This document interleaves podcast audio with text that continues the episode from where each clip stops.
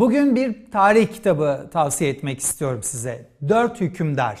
Avrupa'nın tarihine yön veren dört hükümdarı ele alıyor. 8. Ee, Henry, 1. François, 5. Karl ve Kanuni Sultan Süleyman. Dördü de Avrupa'nın tarihine yön veren, Avrupa'nın geleceğini belirleyen hükümdarlar bunlar. Birbirleriyle ilişkileri var. Birbirleriyle rakipler, bazen dostlar ama çok önemli bir e, dönemde yaşıyorlar. Amerika kıtasının keşfi, Fransız Rönesansı'nın yükselişi, dinler savaşının Avrupa'yı yıkıp geçtiği bir dönem bu dönem. Öbür tarafta İngiltere'de bambaşka şeyler oluyor. Bu dinler savaşının içerisinde İngiltere protestan e, tarafa kayıyor. Ve tabii bir cihan imparatorluğu yaratan Kanuni Sultan Süleyman var bütün bunların içerisinde. Bunların birbirleriyle ilişkileri nelerdi? Bu devletler birbirlerini nasıl etkilediler? İşte bu kitap onu e, anlatıyor. Kitabın arkasında bir e, not var. Diyor ki modern Avrupa'yı şekillendiren dört hükümdar kimi zaman dost ama sıklıkla düşman ve her zaman rakiptiler. 16. yüzyılı şekillendiren bu rekabetin portresini Wall Street Journal'ın en popüler tarihçi olarak nitelediği John Julius Norwich çok detaylı ve ilgi çekici bir şekilde çiziyor.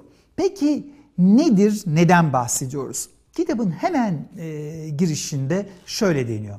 16. yüzyılın başı yaşamaya değer heyecanlı bir dönemdi. Orta Çağ'ın feodal Avrupası hızla değişerek bir ulusal devletler topluluğuna dönüşüyordu. Batı Hristiyanlığının birliği hiç olmadığı kadar tehdit altındaydı. Hatta yüzyılın ilk çeyreği son bulmadan kaybolup gidecekti. Osmanlı Türkleri peş peşe tahta çıkan muktedir ve hırslı sultanlar sayesinde bütün cephelerden batıya doğru ilerliyordu. Yeni dünyanın keşfedilmesi İspanya ve Portekiz'e muazzam bir zenginlik kazandırmış, geleneksel Avrupa ekonomisinde büyük bir kesintiye yol açmıştı.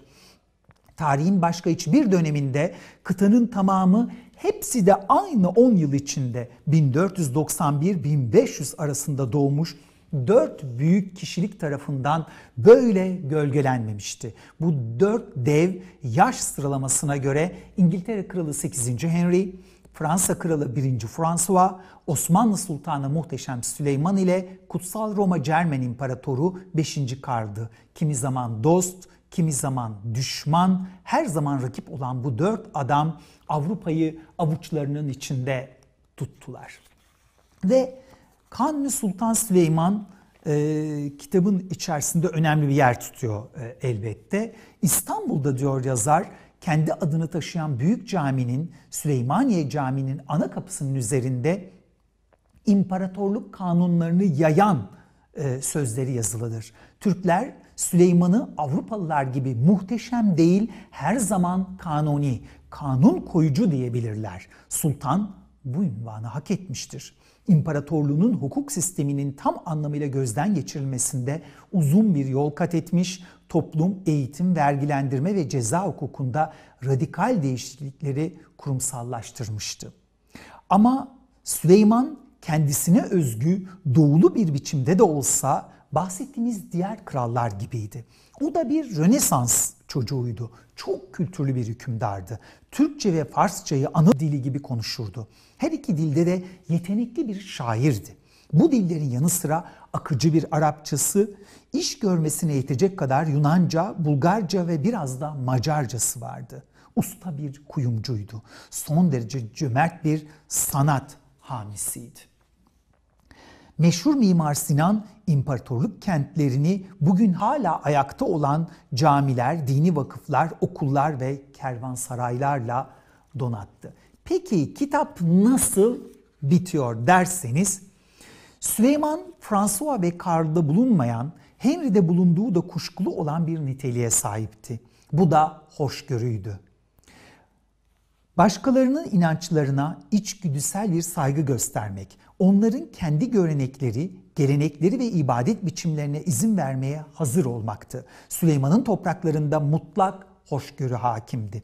Hükümdar dostları onu örnek almış olsaydı Avrupa çok daha mutlu bir yer olurdu diyor Ve en sonunda da e, hepsinden önemlisi bu dört muhteşem unutulmaz hükümdar 50 yıl gibi kısacık bir süre zarfında bu dönemde karşımıza çıkar. Bu hükümdarların her biri yönettikleri topraklarda silinmez biz bir iz bırakmış, hep birlikte medeni dünyayı dönüştürmüşlerdir. Dört hükümdarın yani Fransa kralı, İngiltere kralı, İspanya ve Kutsal Roma Cermen e, İmparatoru e, dördü hep birlikte nasıl bir Avrupa kapışması yaşıyorlar, nasıl ittifaklar kuruyorlar, nasıl rekabet ediyorlar ve Osmanlı İmparatorluğu Avrupa'daki bu rekabette nasıl kilit bir rol oynuyor? Bütün bunları anlamak için bu kitabı hararetle tavsiye ediyorum. Hep kitaptan e, çıktı e, ve çevirmeni de Ebru Kılıç. Kendisini tebrik ediyorum. Basit, yalın, güzel bir e, dili var. Kitapçılarda bulabilirsiniz. E, internet üzerinden sipariş verebilirsiniz. Ama dünyayı anlama konusunda modern dünyanın inşasının hemen öncesinde e, neler oldu, neler bitti. Öyle zannettiğiniz gibi Osmanlı tek başına bir kenarda duruyordu. Sadece savaş ilişkisinde bulunuyordu Avrupa ile falan değil. Nasıl iç içe geçmiş bir tarih vardı. Bütün bunları çok güzel anlatıyor. E, çok keyifle okuyacaksınız. Keyifle e, satırların arasında kaybolacaksınız diye düşünüyorum.